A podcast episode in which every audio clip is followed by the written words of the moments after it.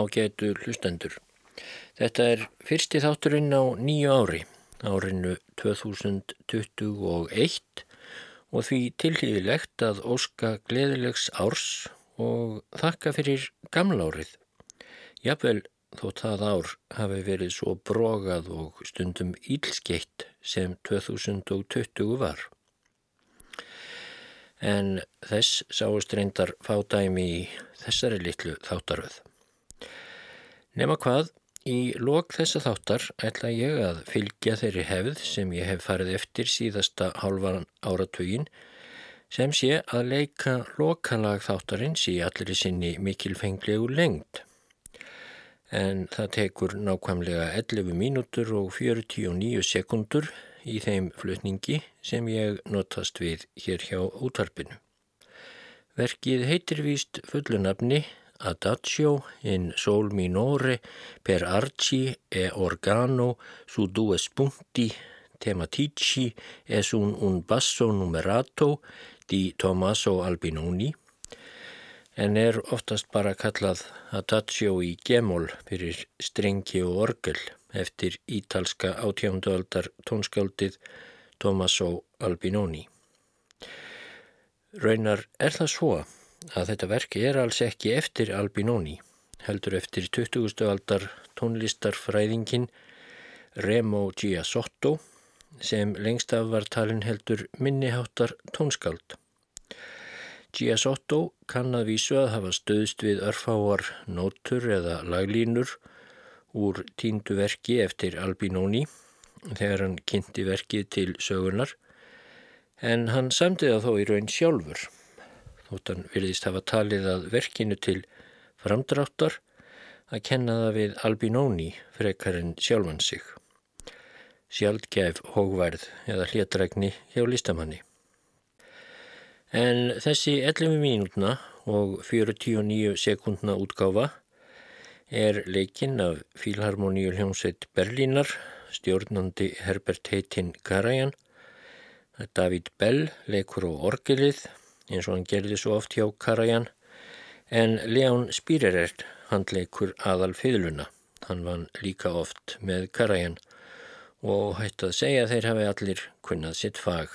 Við heyrum það hér í lokin þegar verkið hljómar og fyrst ég er farin að tala um lokalægið þá má kannski fylgja sögunni að upphafslag þáttarins er líka í gemól. Þetta er konsertþáttur eftir Vivaldi. Konsertin heitir í heild La Notte eða Nóttin. En þanga til lokalag þáttarins heyrist þá ætla ég að færa okkur úr vetrarkulda og myrkri næturinnar á dimmasta tíma ársins yfir í Íslenskt sól og sumar og lesa úr merkilegri og fallegri bók. Hún kom út á Akureyri fyrir 75 árum heitir á reyndýraslóðum og fjallar eins og nafnið bendir til um ferðir manna á reyndýraslóðir á Östurlandi í þessu tilfelli. Reyndýr voru flutt til landsins á átjándu öldinni eins og hlustendur vita og þau áttu að verða til þess að hleypa fleiri stóðum undir atvinnurlíf landsmanna sem var helst til fábreytt en það fór nokkuð í handaskólum, reyndir sem flutt voru á Reykjanes og á Tröllaskaga, þau dói fljótlega út, en eh, reyndirinn á Östurlandi örðu mannfólkinu að frekar litlu gagni. Og eins og segir í bókinni á reyndirastlóðum þá hafa þau hafst við á hálendi Íslands að mestu glimt börnum landsins barist þar við harðaneskju íslenskrar vetrarveðráttu en um leið notið indisleiks sumarblíðu öræfana. Í einum af upphafsköplum bókarinnar á reyndýraslóðum þá segir á þessa leið í kapla sem heitir Í kringils ár rana haustið 1939. Vonirnar rætast Ævintýri gerast á öllum öldum og tímum og á öllum aldri mannlífsins. Í full 30 ár hef ég beðið tækifærisins að fá að sjá íslensk reyndýr í heimahögum þeirra og heimsækja þau þangað.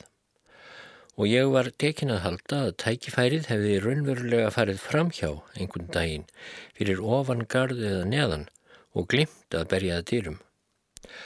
Og mér þótti fyrir, alltaf því jafn sárt og þegar ég sem hrifnæmur unglingur varð fyrir vonbergðum og sá sem hér skrifar er Helgi Valtísson, reittöfundur, sem ímislegt skrifaði um æfina, en það segir sína sögu um það hver líkt þekkt reyndýrin voru að hann hafði, þótt komin væri á miðjan aldur, aldrei fengið að sjá reyndýrin á sínum heimaslóðum.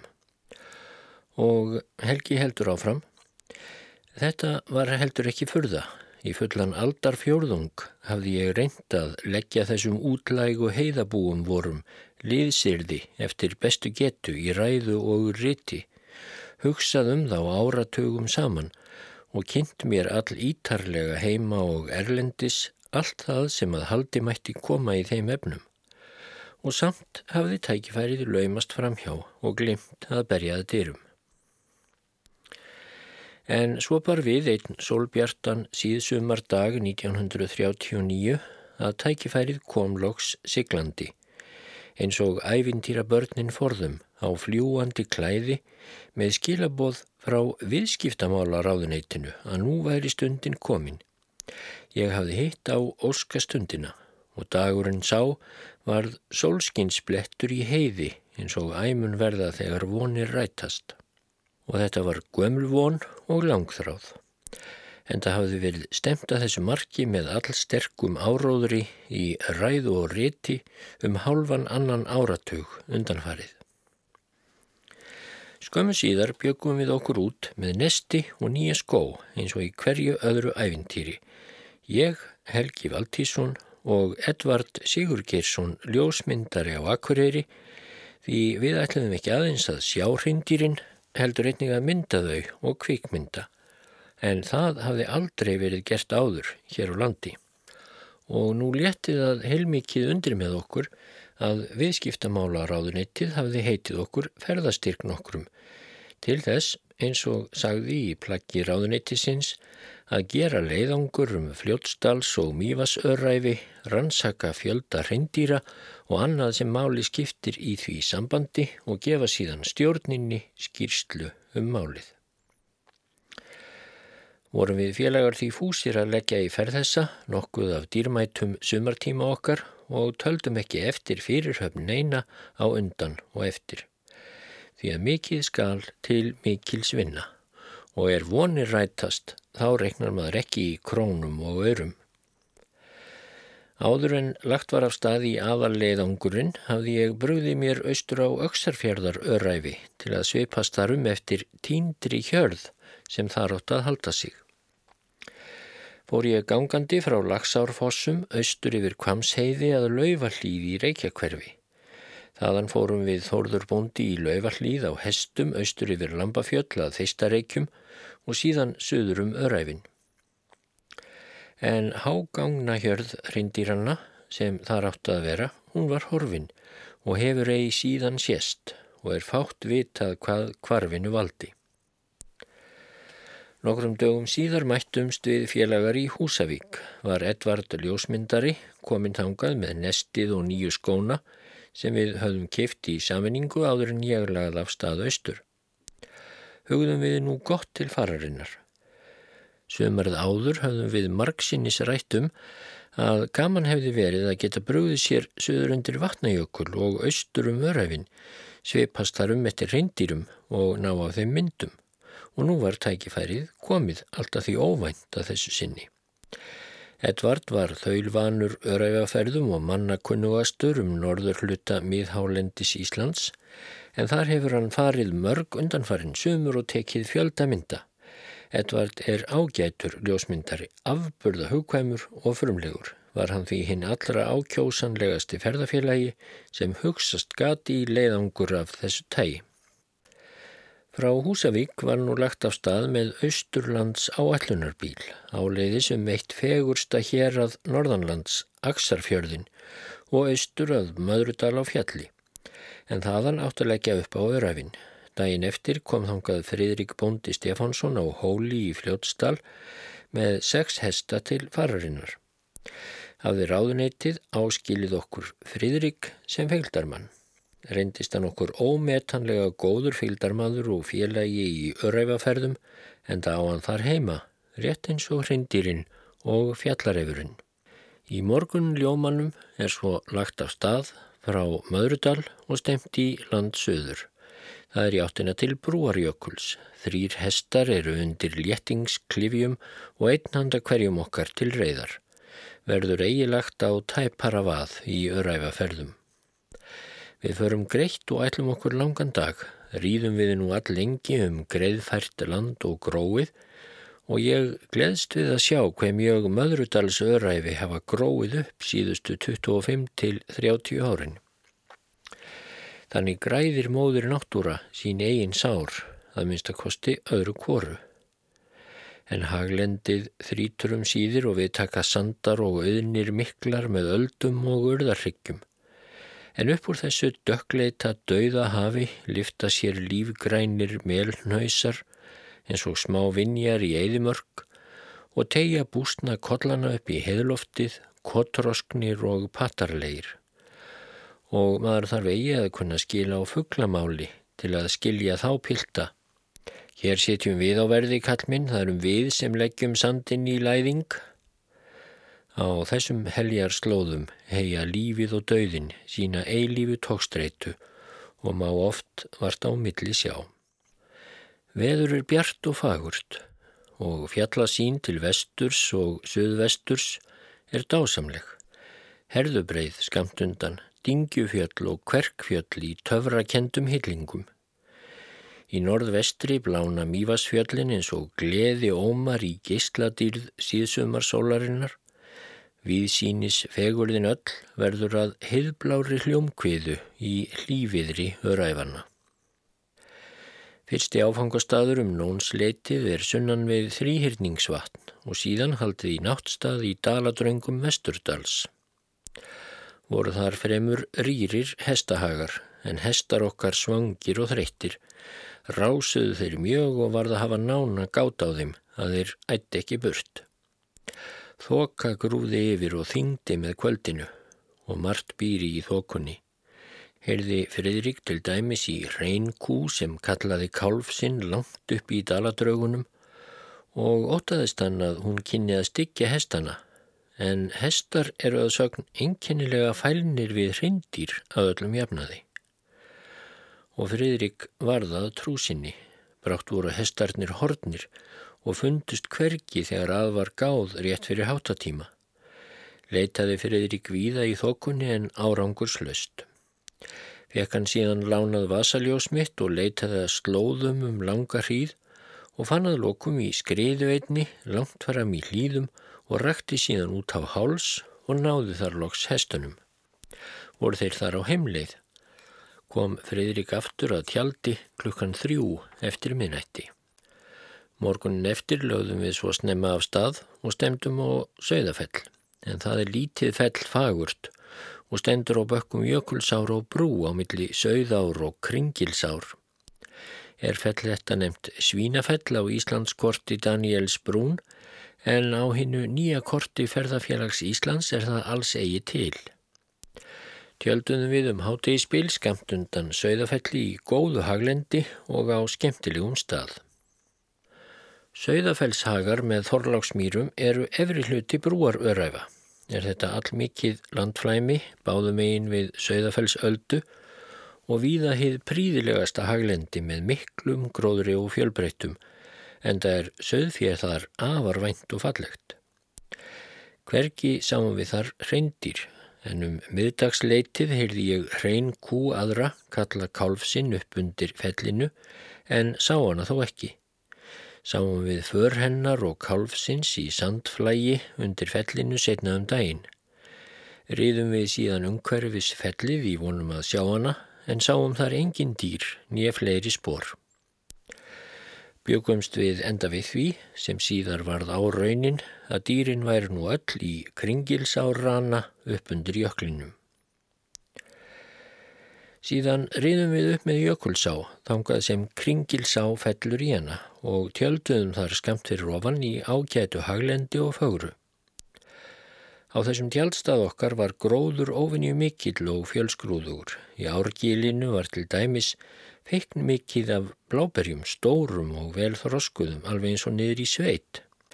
Gaf þar að líta flest það sem Íslenskt gróðuríki hefur fegurst upp á að bjóða, svo sem blágresið blíða, berjalautu væna og einnig fífil brekku gróna grönd, engu síður en flóa tetur fífusund og allt var þetta efst á öræfum skamt frá jökulbrúninni.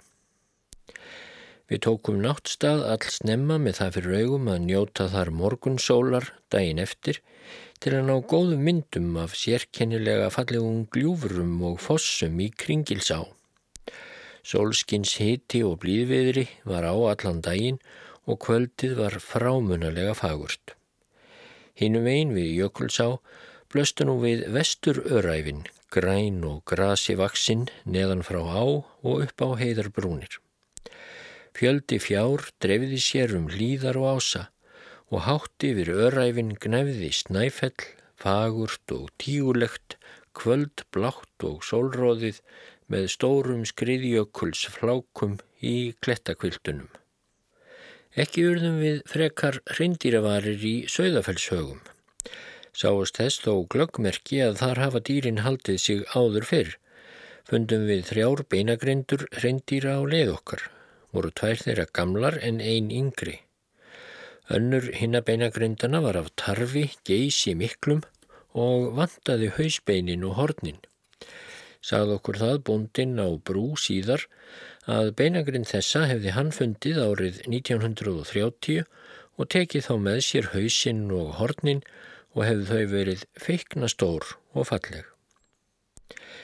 Dægin eftir heldum við upp með kringilsá norðanverðri og leituðum vaðs á henni á nokkrum stöðum en hún reyndist hvarvetna óreið. Rókasund í öllum álum geysi þungur ströymur og háskalegar sandbleitur svo að allt ætlaði í kaf þegar reynd var.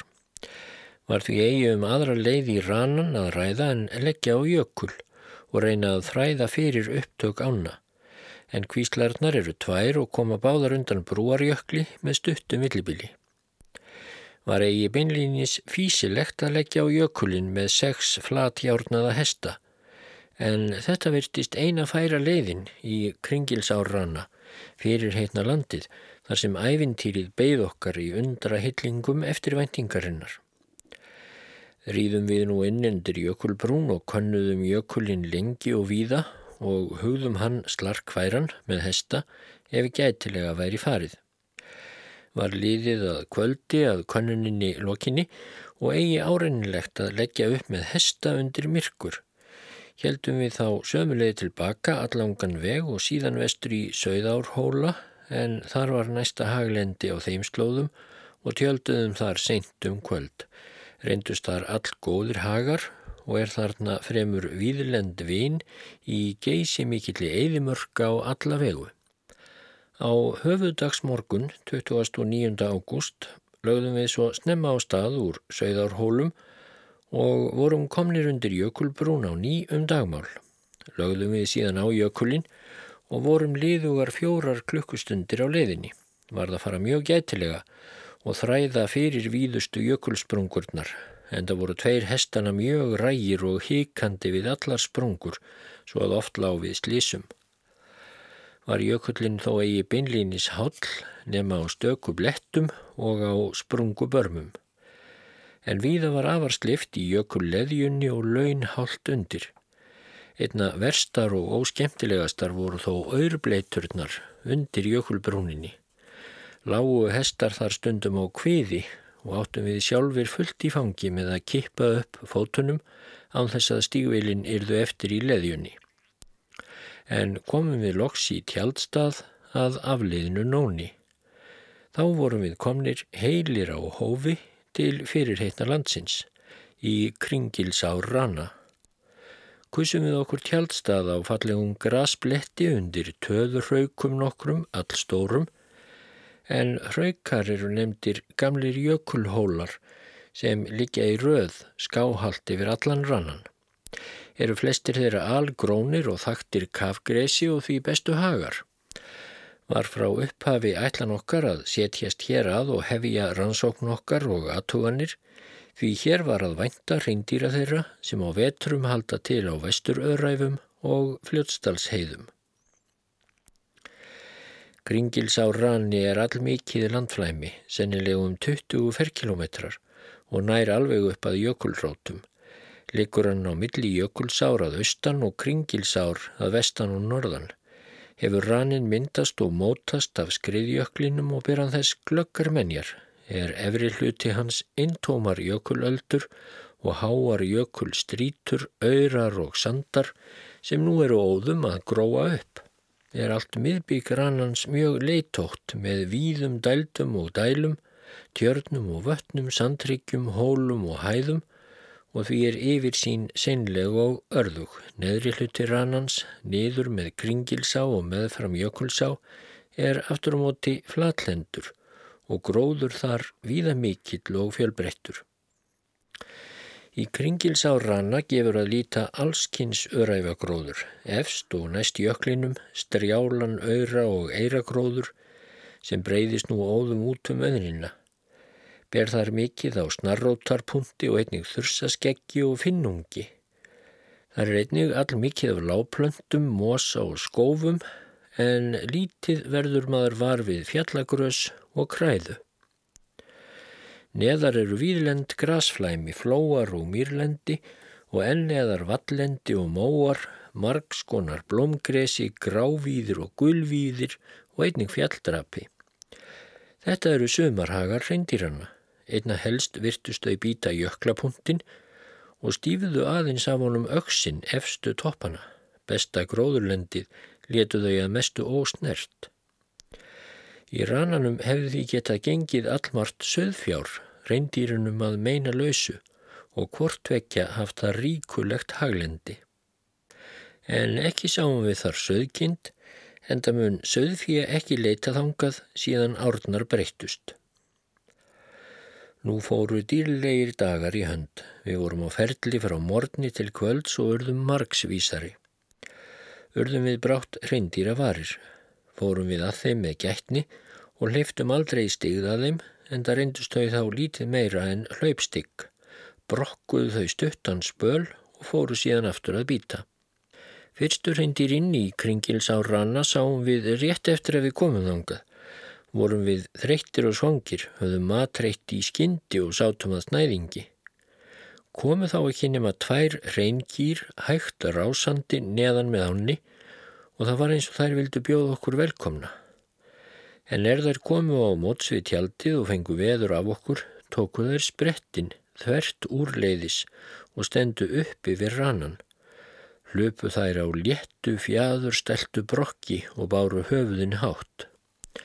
Þetta voru fallegar skepnur, grannvaksnar og hlaupalegar, var sem öræfa töfrum breyði fyrir augu þess er sér þessa sjaldgefu sín og fagru á íslenskum öræfum í fyrsta sinn.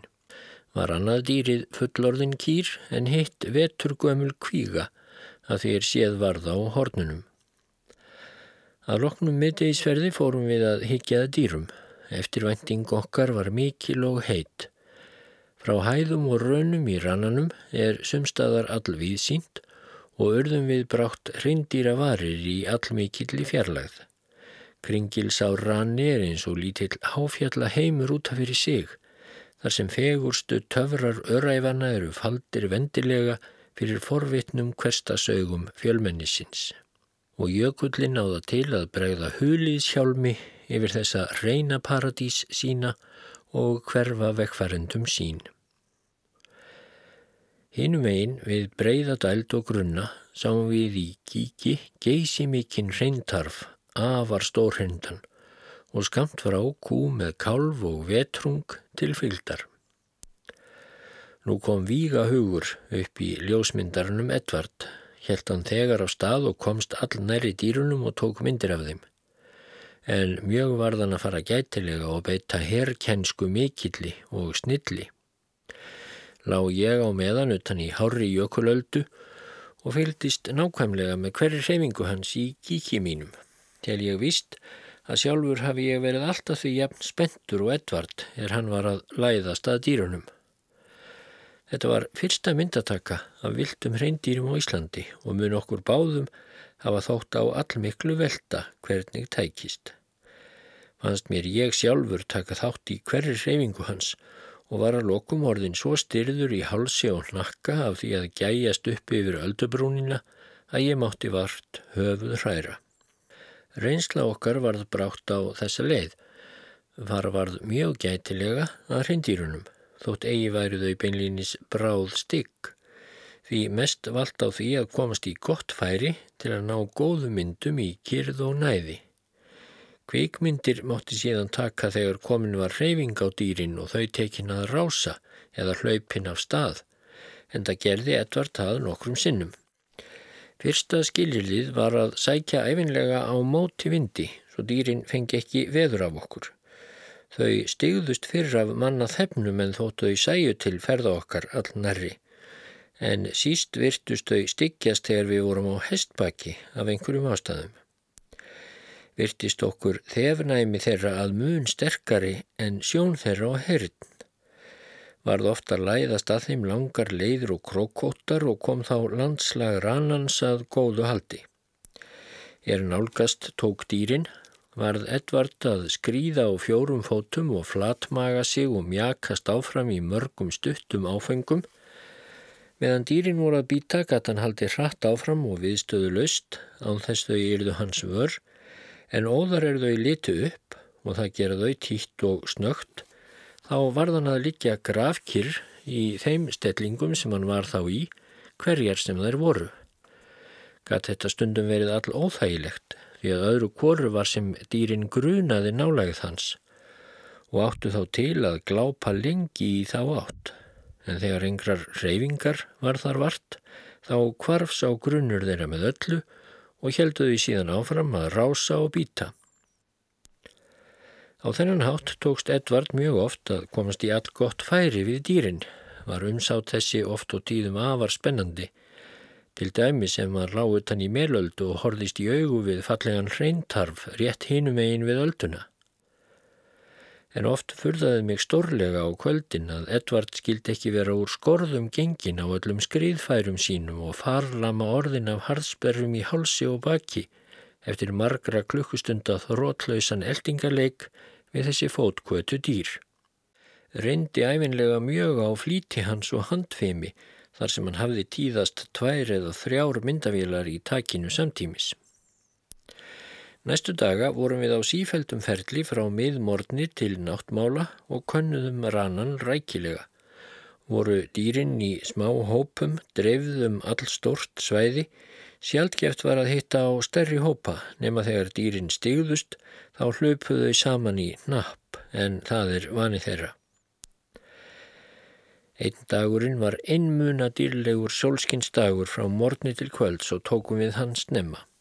Þann dag náði Edvard mörgum myndum, var einn þeirra af tveimur ungum törfum með snæfell í baksín.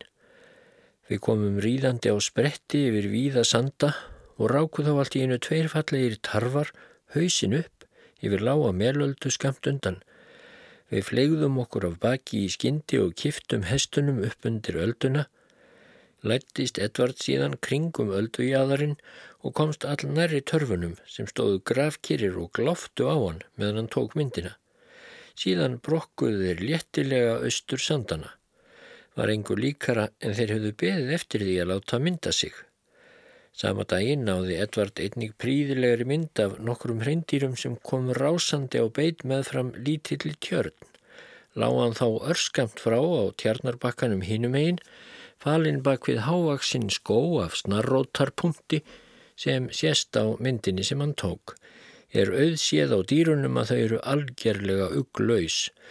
Framan af sáum við aðeins fáar kýr og voru nokkrar þeirra kálflausar þótt fullorðnar væru. Voru það sennilega kýr þær sem tekið hafði verið undan þá um vorið, en þá hóf Mattias Læknir Einarsson hrindýrarækt sína í Arnarfelli við Þingvallavatn. Döldum við líklegt að kýrnar myndu halda sig með kálfa sína á efstu grösum upp undir jökulbrúninni, þótt okkur virtist að þar myndi eigi um auðugan garda gresja nýja fjölsgrúðugt haglendi. Hjeldum við áleiðist hangað undir kvöldið til að svipast um eftir kúnum og reyndist tilgáta okkar rétt. Komu þá tveir hópar rásandi innan undan jökli og voru þar upp undir 50 dýr samtals í þeim báðum. Flest voru þetta kýr með kálfa sína og auk þess nokkrar kvígur kálflausar. Allmiklu styggari voru þessar kýr en tarvarnir, neðar í rananum og varar í um sig.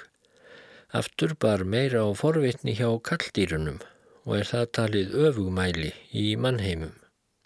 Sentum kvöldið höfðu dýrin í rannanum runnið saman í hóp allmikinn og voru sennilega 60 til 70 talsins. Sáum við þau álengdar á melbarði og voru þá mörg þeirra lögst undir nóttina. Riðum við framhjá þeim í nokkuri fjarlagð en kýrnar voru stykkar og spratt upp allur hópurinn og rásaði af stað en stemdi þá skáhaldi í vekk fyrir okkur fórum við þá af baki og námum staðar skamt frá þeim og virtum fyrir okkur um hríð þennan fríða hóp hinn að frjálsu fjallabúa. Þetta var dýrlegur dagur og ógleimanlegur frá morni til kvölds. Og einn fegursta mynd dagsins var að lokum svo er þessi stóri hópur rann léttilega upp brattan hlýðarslakka í rökkur bláma kvöldsins og kvarfi við áskampin. Rásiðu dýrin í þéttum hnappi og hreyfðust horn þeirra eins og lágur kjarskóur fyrir hægum vindi. Þetta var andi öræfanna, hljóður og léttstígur. Þennan sama dag sáum við tarf, geysi mikinn, gamlan og stórhrindan, koma lötrandi í hægðum sínum utan úr hálsi austan jökulsár og halda upp með ánni þeim megin. Fór hann einförum en það var ekkert dýr annað austan árinnar um þessar mundir. Leit svo út um hríð að hann ætlaði yfir ána til okkar. Lagðan í eina kvísl árinnar og vóð út í eiri í ánni en lagðist þar síðan fyrir og mun hafa fengið sér væran blund í sólskininu. En að því loknu hjælt hann aftur til samalands og röldi síðan upp með áni austanverðri. Virtist hann una vel einverunni. Ég tel víst að þennan sama bóla höfum við séð aftur í rananum daginn eftir. Fór hann þá einnig einförum og syndi eigi hjörðinni. Var þetta langstesti tarfur sem ég sáðar og voru horn hans sérstaklega stór og falleg. Og þrátt fyrir ótvíræða elli var þetta glæsileg skefna. Þessi litli reyndýrahópur í kringilsárrana var fögur hjörð og glæsileg þótt ekki reyndust dýrin vera fleiri en um hundrað alls. Þau geta hafa verið nokkru fleiri, því auðveldlega getur manni sést yfir smá hóp í kringilsárannanum. En mörg hafa þau dýr þá ekki verið, voru ungu tarfarnir ljómandi fallegar skeppnur og fengulegar. En þar voru einnig allmargir tarfar gamlir, feiknmiklar skeppnur og öldurmannlegir afar stórhrindir og með sítt fags eða skegg kvítt neðan á hálsi. Auðséð var á öllu að hér höfðu dýrin átt gott sumar, voru þau fjör og sælleg með afbrygðum, svo að eigi var hér neinu til að jafna. Sáust á þeim engin döðamörk eða hnignunarmerki. Bara allt útlitið er að vottum mikinn þroska og kynfestu, enda lætur það líkum sér rétt aðtugað. Svo góð virðast þroska skiljiði dýrana í kringilsá rana vera að sumir munu telja ævintýralegt frásagnar.